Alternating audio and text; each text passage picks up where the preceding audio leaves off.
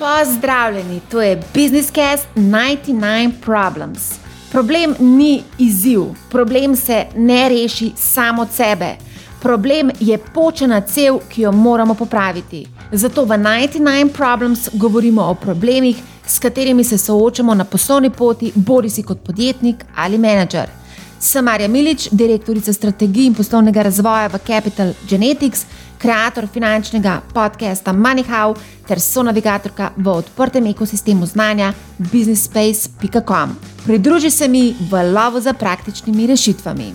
Ta mesec v 99 Problem začenjamo z mini serijo Šola za vlagatelje tveganega kapitala, kjer bomo govorili o problemih, ki jih morajo razumeti vsi tisti, ki bi želeli investirati v zagonska podjetja, pa niso prepričani, kako se tega lotiti. Ravno s tem namenom se bo od 2. novembra do 3. decembra odvila brezplačna šola za vlagatelje tveganega kapitala. Udeleženci šole bodo izvedeli, kako poiskati prave priložnosti, kakšne so lahko tveganja, kako oceniti vrednost zagonskega podjetja, koliko kapitala pravzaprav potrebujemo, pa tudi kakšna znanja so potrebna, da pod črto kot vlagatelj ustvarimo lepe donosnosti. Več informacij o vsebini in programu dobite na spletni strani www.solazavlagatelje.com. Odgovore, praktične rešitve in dragocene lekcije boste dobili od izkušenih vlagateljev in strokovnjakov. Šolo izvaja ABC Accelerator v sodelovanju s South Central Ventures, financirajo poslovenski podjetniški sklad v sklopu Startup Plus programa. Nekaj angelskih investitorjev boste spoznali tudi v podkastu 99 Problems. Z njimi se bomo pogovarjali o izzivih, s katerimi se soočajo pri to vrstnem investiranju. Zanimivo bo, zato nas poslušajte. Moj današnji gost je izkušen podjetnik in investitor Ernest Žajen, direktor podjetja Žajen, ki razvija in ponuja rešitve za digitalno transformacijo podjetij. Svoje znanje in izkušnje deli tudi kot mentor startupom v ABC pospeševalniku, je pa tudi ambasador v sklopu Združenja za informatiko in telekomunikacije pri GZS za kar nekaj držav: Nemčija, Avstrija, Švica, Južna Amerika, Kitajska in Rusija. Pozdravljen, gospod Žajen. Simpatično pozdravljena. Ja, a sem vse države naštela, sem kakšno zgrešila? Ja, plus, minus, eh, glavno je, da so čim bolj oddaljene, pa čim večje. Je to recept za uspešno investiranje?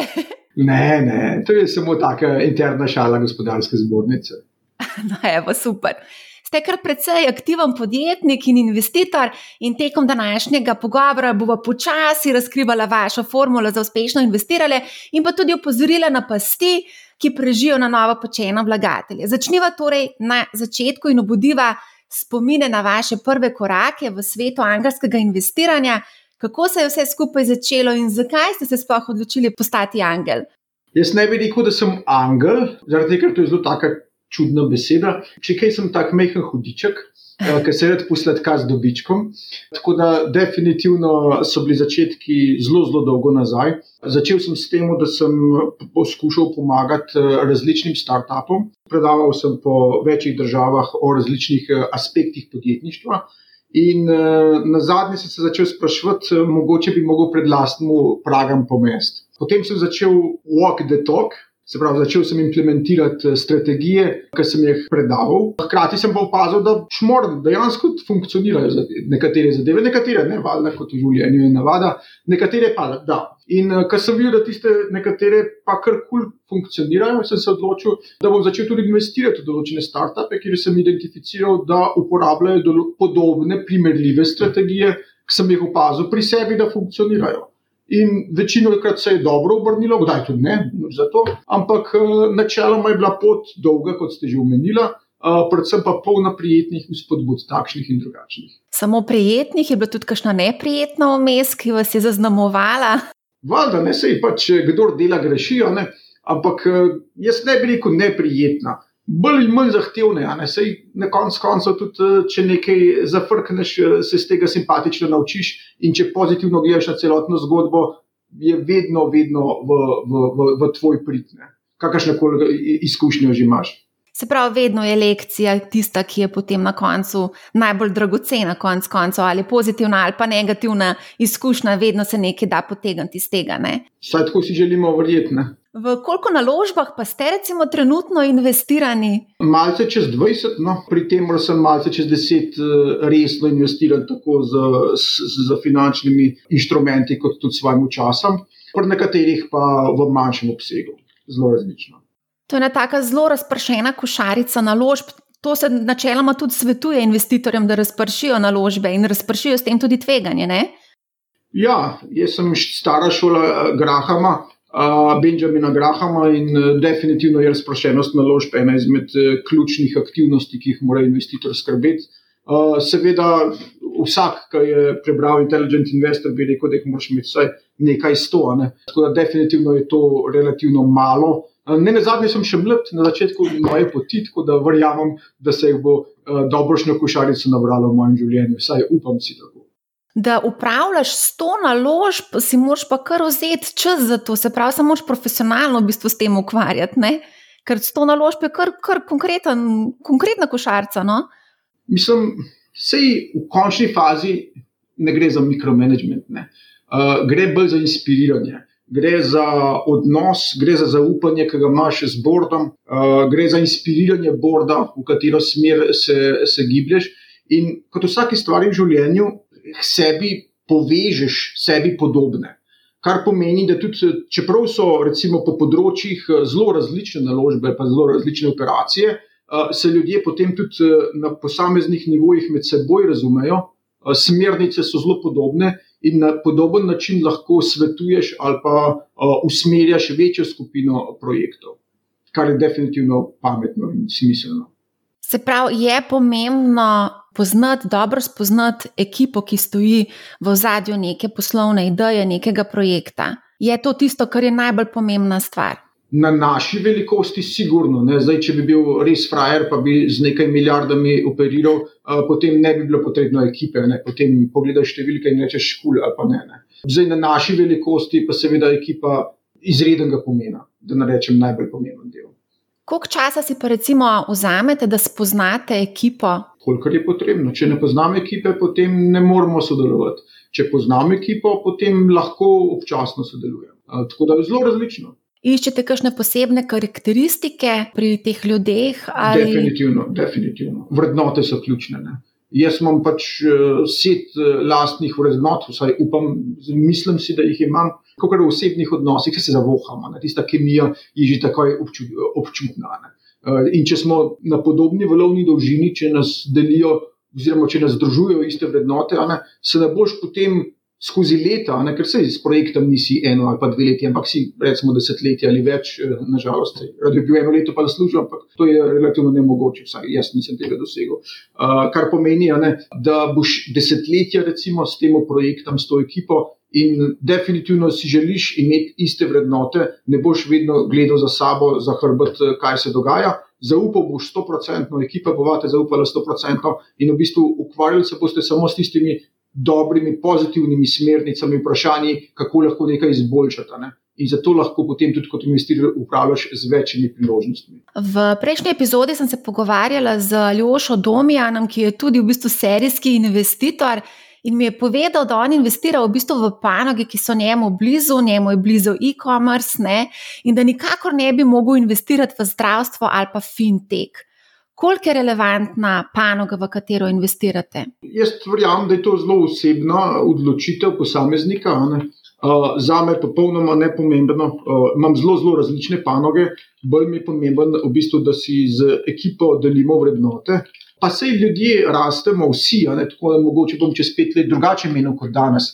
Ampak definitivno, kot opažam sam pri sebi in v tem lahko sodim, ne, je to, da mi je bliže tiste panoge, ki so bliže mojim vrednotam. Uh, recimo, green panoga mi je blizu, uh, se pravi, celotna reciklaža mi je blizu. Uh, skratka, panoge, ki puščajo sledi v okolju, v katerem se gibljemo. Ker ne samo, da nekaj dobrega delamo, ne na zadnje je to zelo pomembno, da delamo nekaj dobrega. To so potem tudi v sustainable managementu simpatični, fenomenalni motivacijski dejavniki, ki jih lahko implementiramo v organizacije. Zato bolj, ko je poslovni model povezan z tem, da pušča neke dobre sledi v okolju, v katerem je, definitivno sem bolj navezan. Je pa res, da so področja zelo različna, ne bi se mogel opredeliti za enega. Zdaj, pri to vrstnem investiranju imamo več načinov investiranja. Nekateri investitorji zasledujejo impact investing, se pravi, da zahtevajo poleg dobička še neke učinke na okolje. Ne? A tudi vi, konkretno, vi tudi eh, vas to zanima? Jaz eh, veliko krat predavam po fakultetah v tujini sustainable management, se pravi, v sustainable managementu verjamemo, da so tri stebri enako pomembni to so PPP, se pravi, prvi P je profit, se pravi, dobiček mora biti, brez dobička je šmorno, vse skupaj je nažalost velika. Enak pomemben stebr je drugi P, to so people, ljudje. Mi ustvarjamo dobiček in govorimo o ljudeh v najširšem možnem obsegu, tako notranji kot zunanji organizaciji. Tretji P je pa planet, spet zelo široko gledano, se pravi, celotno okolje. In sej start-upi ali organizacije, nam reko start-up, neko rajš organizacija, ne, vedno se najdemo tisti, ki imamo podobne vrednote, kot sem rekel. In ker imamo podobne vrednote, poskušamo implementirati sustainable management. In tudi, če organizacija ali pa področje prej ni v to smer gledalo, pravimo najti, kako lahko gledamo v to smer. Tako da to je vedno možno pivotirati. Ne? Če imamo pravo ekipo, če imamo prave vrednote, vedno lahko implementiramo potem takšne ali drugačne učinke na okolje. Ne bi pa mogel se identificirati recimo s kakšnim igralništvom ali pa s kakšnim takim področjem, kjer v bistvu ne, osebno ne verjamem v neko dobrohotnost ali pa neko pozitivno gesto na, na okolje, v katerem živimo. A lahko mogoče izpostavite kakšne konkretne naložbe? Boh, sigurno, sigurno. Zdaj, nekatere se začenjajo, nekatere se zaključujejo, nekatere so v sponu. Mogoče v tem trenutku sem najbolj ponosen v reciklažen center za, za staro avtomobilsko gumo, ki ga postavljamo v Portugalskem, enega sedaj tudi v Španiji. Gre za res, res lep poslovni model, kjer ima zelo lep, lepe dobičke, zelo, zelo vse skupaj lepo zgleda, po drugi strani pa dejansko čistimo okolje. Se pravi, nismo neki old, old, old boys, da bi se šli po kavbojsko nekaj zakopavati v zemljo, ampak dejansko nek, nekaj dobrega naredimo in dejansko recikliramo zgodbo. Uh, in tako nas tudi okolje perceptira. In take priložnosti, gre za veliko večjo investicijo, vsaj za moje, moje žepe, ampak uh, to so taki lepi projekti, ki lahko združiš v bistvu vse, vse aspekte. Se pravi, tako okolje, tako ljudi in tako dobiček.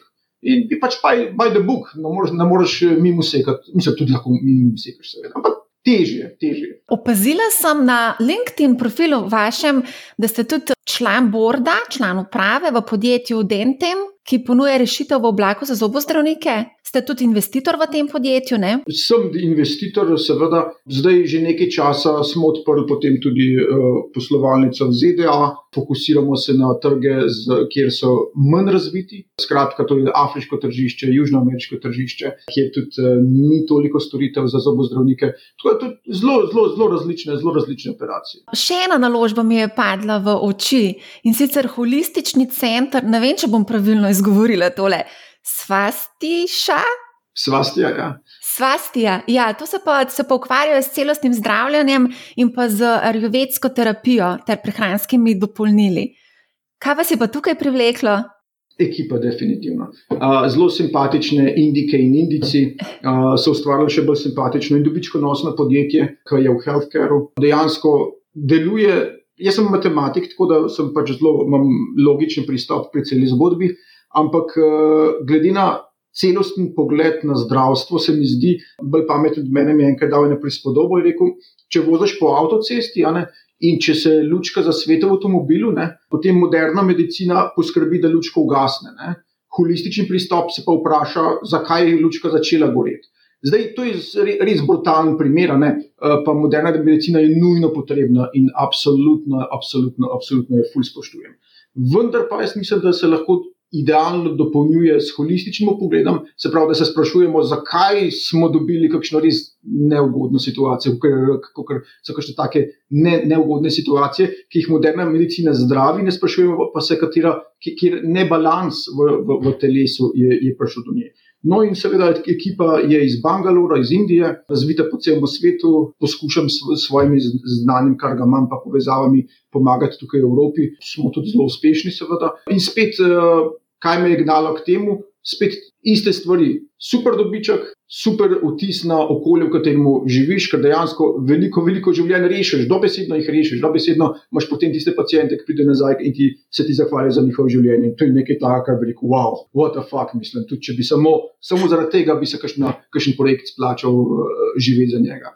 Tako da take stvari, ki jih znaš skombinirati, ali pa če imaš srečo, da znati, predvsem tudi v sreči, pa si res lahko ponosen na te operacije. Ja, zdaj ste omenjali kar nekaj držav, Indija, Portugalska. Kako, kje iščete v bistvu vse te naložbene priložnosti? Verjetno vas ne najdejo same, verjetno ste tudi sami aktivni. Ma, oboje, ne, vse je v končni fazi, gre za poslovne, že kot sem rekel, podobno misleče, Jaz sem del večjih mednarodnih mrež, takšnih in drugačnih, tudi uh, sem član gospodarske zbornice, uh, član upravnega odbora Združenja za informatiko, ambasador za Brazilijo. Skratka, tisočenih eh, aktivnosti, ki jih poskušam združevati, predvsem pa da iščem talente ali pa sebi podobno misleče poslovneže, ki skupaj kakšno ušpičmo. Sej tudi drugi naj, najbogatejši Kitajci rekel, da se jaz v nobeni investiciji nisem večinski lastnik. Ne imam bolj pametne, pa bolj eh, bogate od sebe v vseh posameznih investicijah. Ne.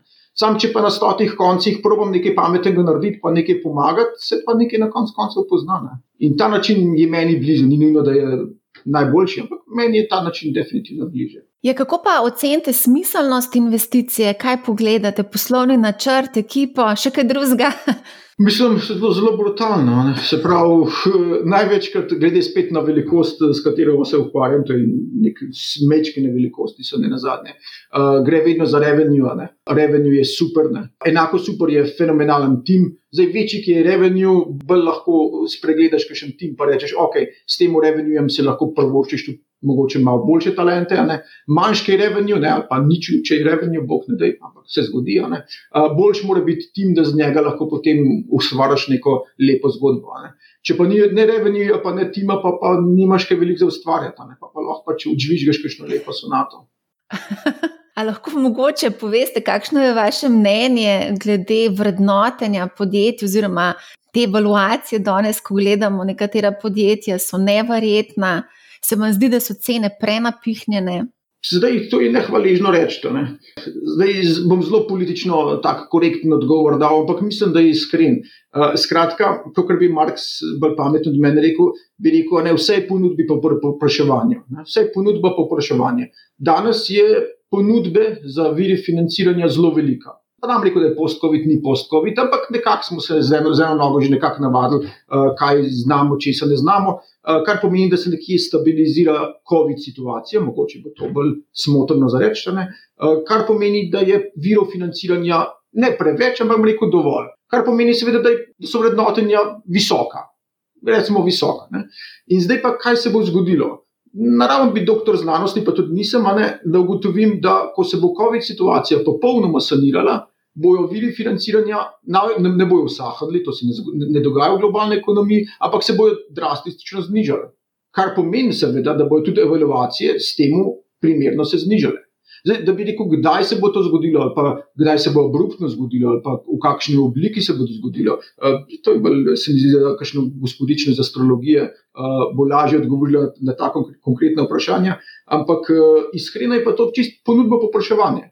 Ponudba bo šla dol, virov financiranja, to se zavedamo, saj vsi uh, globalni makroekonomi se glede tega enotni, tudi The Economist imel super članek dva tedna nazaj.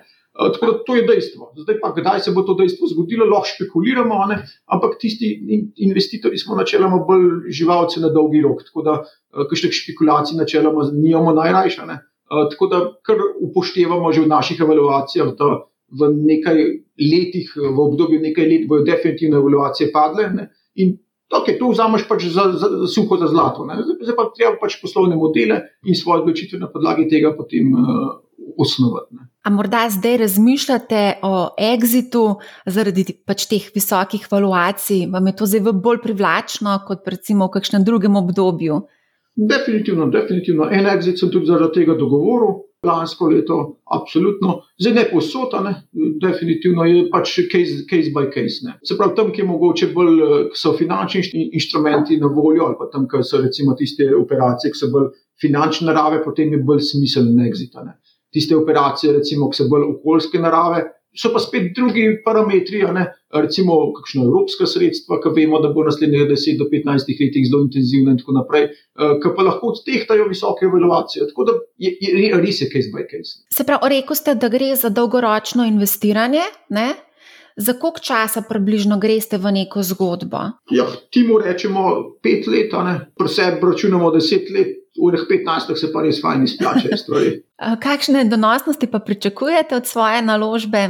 Je zdaj zelo odvisno. Zdaj, v, v takih naložbah ne, je treba razumeti, da so bolj rizične kot klasične drugačne naložbe, recimo od finančnih inštrumentov na bankah, kakšnih državnih obveznic, zakladnic in tako naprej. Uh, tako da vedno, seveda, gledamo z nekajkratnim faktorjem. Zdaj, včasih imaš res srečo, pa je ta nekajkratni faktor, nekaj desetkratni faktor, da rečem nekaj stokratni faktor, največkrat bolj nekaj desetkratni faktor. Včasih je pač negativni faktor, tudi to se zgodi ne za to. Ne. Je pa pač treba, seveda, smelo gledati na statistiko. Ne. Na eno samo naložbo ne moreš gledati uh, tako ali drugače, ker lahko se pač, ne vem, krompirček uh, popeče ne, in imaš res super, super priložnost, imaš faktor 20-kratnik v, v desetih letih. Super. Ne. Ampak to nekako ni, ni, ni praksa. Uh, tako da zdaj ponovno bom citiral bolj pametnega od mene, Grahama, ki je rekel: Ok, 10% na leto ne, za neke izvedbene finančne inštrumente je top of the top. Zdaj, okay, tukaj razumemo, da so pač riziki višji, uh, distribucija sredstev, seveda, tudi temu ustrezno širša. Ne? Se pravi, 10% bi bilo dosti slabo. Ne? Verjetno pa pričakujemo tam 30 do 50% eh, letno tiste, tiste investicije, ki so uspešne, seveda, niso, niso pa vse. Mar se kdo se na tej točki sprašuje o vložkih, koliko denarja se ponovadi investira v start-upe? To je zelo dobro vprašanje. Zdaj na Googlu boste našli cele razpredelnice, ki so fenomenalno razdeljene. Zdaj, deljeno z dva ali pa deljeno s štiri, recimo za Slovenijo, bolj primerno, če sprašujejo v Sloveniji. In to v bistvu je tako vodilo za, za start-upe, od C runde do A runde do B runde. Se pravi, ne pričakovati eh, A runde, če dobite v ZDA, ne v San Franciscu, da dobite vem, 10 milijonov, je pač tukaj mogoče. Zdaj spet odvisno od področja, v katerem se, se, se nahajate. Jaz osebno investiram zelo različno. Jaz sem tudi uh, proxy uh, za moje kolege iz JP Morgana, pa iz drugih bank in določene posle, določene operacije pač prenes, prepeljemo toliko, koliko je potrebno vkoliko je to smiselno. Če, če pa ni smiselno, pač ni smiselno pripeljati. Tudi jaz sem bolj taka mečkina bauhica ne? z manjšimi finančnimi inštrumenti, ampak ko se vidi, da je neka smiselnost v zadju, pač jaz osebno zagovorim, ne? sproksiram ustrezno, ustrezno sredstva, ki so potrebna. Ampak ostali investitorji pa v večini uporabljajo lastna sredstva, kar v Sloveniji je zelo večje pomankanje kot eno, recimo na Dunaju je to malce bolj živahno. Tisti ticket size so pa navadno, se pravi, deljeno z dva, deljeno s štiri od ZDA, pa smo že kar na nekih smelih številkah, se mi zdi, ampak spet zelo individualno. To je stvar pogajanja oziroma neke debate s podjetnikom glede višine vložka. Mislim tudi od kapacitete podjetnika. Ne? Nekateri podjetniki imajo hard cap, rečejo, ok, jaz bom investiral to, pa to, v tem letu, to, pa to, v tem letu, neki, neki venture cap uh, skladi, uh, skladi tvega kapitala imajo spet uh, svojo strategijo. Nekateri skladi včasih, ne, par let nazaj, deset let nazaj, ne si prišel do venture sklada, pa je venture sklad rekel, ok, uh, v letošnjem letu bom zbrnil 100 milijonov, naslednje leto 120 milijonov, to je moj strategy plan, ne, zdaj lahko padeš v ta program, lahko padeš v drug program. Ne, to je bilo včasih. Danes je vedno več eh, teh, teh mi, ki ventiliramo zrak, ki nas je posod preveč, eh, skratka, smo povezani. In eh, ko ti vidiš eno priložnost, se bolj fokusiraš na priložnost, kot na kapital, ki ti je na voljo. Zato, ker okay, moj kapital je vedno omejen, ne glede na to, koga imam, pa koliko investiram. Ampak, če sem pameten investitor, in če znam identificirati priložnost, imam mi tako svojo, svojo mrežo podobno mislečih, ki jim poklicujem in rekel, da imamo eno super investicijo, je malce večji ticket size, ampak če si razdelimo, jo glitko super izpeljemo. Uh, tako da danes je vedno bolj uh, poudarjen co-investing, uh, ali preko različnih proksijev, ali direktno preko, preko individualnih investitorjev, in vedno bolj smiselno je tudi zaradi uh, razprošenosti naložbe, o čemer smo prej govorili. Uh, tako da jaz mislim, da ticket size, včasih deset let nazaj je bil to fenomenalna beseda, prva beseda je bil ticket size. Danes je vedno stvar o rezultatu, kaj delamo. Ne, če delamo nek, nek, nek, neko novo raketo, ne se nam pogovarjamo o milijonih, ampak o desetinih, da rečem stotinah milijonov. In pač druge ljudi ali pa druge sklade poklicali, kot če se bomo pogovarjali o nekem appu, ki bo relativno uh, zmožen z manjšimi investicijami narediti. Ampak pomemben je rezultat. Zdaj, če bo rezultat, če rezultat smiselen, bomo že poklicali uh, tiste ljudi, ki so potem tudi odgovorni, da, bo, da bomo so investirali ustrezno, ustrezno, ustrezno sredstvo. Je pa nehvaležno odgovor, ne? ker vsak misli, da bo za 100 jurjev, a da bo 1 milijon. Pa najboljši odgovor je, koliko rabiš. Ampak za, boš razložil, zakaj to rabiš in če rabiš milijon, če boš z njega naredil 10 milijonov, ni problema. A rabiš 100 milijonov, pa z njih naredil milijardo, super. Ne, ampak rabim nek tangible. Ne? background. Potem. Večkrat ste omenili, da gre za izrazito tvegano naložbo, pa me zanima, kako prepoznate tveganja in kako jih v bistvu obvladujete. Registra tveganj nimamo, kot navadno imamo v organizacijah. Američani bi rekli, da je za gut feeling. Ampak sej pri manjših naložbah to spet ni takšno, takšno veliko tveganje. Ne? Se imaš tudi potem indirektne učinke, kot dostop do kadrov, dostop do talentov, izmenjava mnen, idej, podjetja največkrat uh, tudi skozi to insourcajo potem inovacije in imajo izvor za inovacije. Tako da ne govorimo samo o direktnih učinkih, ki jih posameznik vidi v investicijo. Ampak, če, če, če govorimo konkretno o tveganjih, ne, je pač initial screening ključnega pomena. Zdaj, manjši je ticket size, ne, za 100 jurjev si jih zihar ne boš zdaj naročil in due diligence, ki te bo stal 50 jurjev por uh, enem od velikih. Ne. Zdaj, za neko 8-9 mestno številko bo sigurno ene tri due diligence, ki bojo prišli zelo, zelo verjetno iz ZDA pogledati pa prišnjofati uh, organizacijo. Ne. Riziki so zelo, zelo povezani z velikostjo investicije. Manjša je investicija, bolj smo nam reko šlampasti pri uh, upravljanju z riziki ampak eh, bolj zaupamo na tim. Ne? Če ima tim tisto kemijo v zadju, tisti magic sauce, če se te vrednote poklapajo, če vidimo, da je zgodba o uspehu, potem ok. Ne? Ne bo še deset let eh, delo raziskav, pa analiz. Večja je investicija, bolj je zahtevna, eh, bolj ko se pogovarjamo o nekih cutting-edge tehnologijah, ker seveda investitor nima nobenih kompetenc jih razumeti v podrobnosti, ker so na oni strani neki znanstveniki, ki se desetletja s tem ukvarjajo.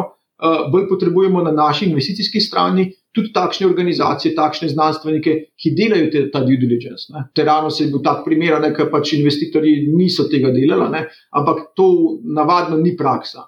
Navadno je praksa, da investitorji pri večjih tiketih, predvsem tam, kjer delamo proxy, ne, uh, tam definitivno delamo due diligence. Ker tudi moja kredibilnost potem do mojih partnerjev v ZDA ali pa v Braziliji je vprašanje, če povežem, oziroma poprosim za ko investicijo v nek velik projekt, kjer je v zadnjem nek boljši. Ne. To, to tega se ne smem prvoščiti, ker drugič jih ne bom več poklical. Tako da bolj, ko je kompleksnejša, ki je investicija, več organizacij upletenih eh, v, v due diligence. Ne, definitivno. Ampak riziki pa vedno so. Ne. Kako bi vi sami sebe ocenili kot izrazito nagnjenega k tveganju? Mm, ne, absolutno ne. ne, ne, ne zelo konzervativen. A to se vam zdi konzervativna naložba? ja, absolutno. Mislim, skozi moje oči, seveda, vsake oči ima svojega malarja, tako da to je subjektivno težko oceniti. Ampak eh, definitivno bi zase rekel, da sem zelo konzervativen eh, investitor. Lahko pomagam samo tisto, kar razumem. Eh, razumem zelo malo. Vedno probujem najti kakšne bolj pametne od sebe, ki bolj razumejo od mene če vse razumemo, če imamo pravo ekipo, če imamo kakšen revenue v zadju, ki dokazuje, da je tržišče, da je market fit zgodba. Why not? Ne, sej, riziki, kot ste vi sama rekla, so zelo pomemben faktor. Ja, a investirate morda tudi v delnice? Nekaj sem v preteklosti, seveda tudi v Blue Chip investiral. V tem trenutku sem se dezinvestiral iz Blue Chipov zaradi moje investicije v reciklažne centre, kar bomo zelo hitro sanirali, seveda, in dal nazaj. Tako da delnice so pomemben del mojega portfolija, bile, zdaj trenutno niso, bojo spet v prihodnosti. A spremljate morda tudi kriptotrge? Spremljam, seveda spremljam iz različnih razlogov. Tudi investicijskih, mogoče. zdaj, investicija, ne bi rekel, da gre za investicijo. V kriptotrgih je bolj ali špekulacija. Ali, um, kolega, imam zelo veliko kolegov v kriptotrgih in jih zelo cenim in spoštujem. Zelo dobro dobro mantro sem na začetku povedal, pa bi jo ponovil, če dovolite, in sicer ponudbo po povpraševanju. Ker so različni verski zagovorniki in ene in druge strani, ne bom šel v podrobnost, koliko je kripto smiseln ali ne. Vedno pa je dober feedback, pa dober indeks, pokazatelj ponudbo po povpraševanju. Takrat, ko je povpraševanje, super, ne? gre vrednost gor. Koliko je vrednost bitcoina? Je tako še kot popraševanje. Če je za nekoga vrednost 100 tisoč dolarjev, odlično. Je, je to investicija? Zdaj, špekulacija, špe, špekulativna investicija je to. Ne? Mogoče pa nekomu za, za to jutri je vrednost 110 tisoč dolarjev. Kul, cool, super. Ne? Zdaj, s kakšnimi inštrumenti pa znamo to oceniti, za koliko je neko, ne, nekaj jutri vredno, je pa, je pa stvar posameznega investitorja, ki se odloči. Ne? Ampak gladko moramo se tukaj, uh, moramo tukaj marksizem vzeti in reči, popraševanje je takšno, ponudba je takšno, so pa zelo različni, bipolarnost. No, se strinjam z vami, ampak ne bova preveč razkrila. Se boste več in še bolj poglobljeno, ne samo o investiranju, ampak tudi o napakah, delili z udeleženci na brezplačni šoli za vlagatelje. Kaj ne? z veseljem, kar bomo skupaj zmogli, če ne bomo pa še na ušpiču. No, odlično. Najlepša hvala za res super pogovor. Želim vam še naprej veliko uspeha, tako v poslu, kot seveda tudi pri lovljenju dobrih naložbenih priložnosti. Kul, cool. hvala lepa, enako. Ne? Tako slišali smo izredno veliko zanimivih informacij od serijskega investitorja. Več in bolj poglobljeno pa boste slišali na brezplačni šoli za vlagatelje tveganega kapitala, ki se bo odvila od 2. novembra do 3. decembra. Šolo izvaja ABC Accelerator v sodelovanju s South Central Ventures, financirajo pa slovenski podjetniški sklad v sklopu Startup Plus programa. Poleg bogate vsebine je tudi bogat nabor vlagateljev in strokovnjakov, ki bodo z vami delili pravo zakladico znanj in izkušenj. Več informacij o programu na www.solazavlagatelje.si. Hvala, da ste bili z nami. Če imate kakršno koli vprašanje, mi pišite na marja.afnabusinessspace.com. Poslušajte 99 Problems, saj se problemi ne rešijo sami od sebe. Lep pozdrav!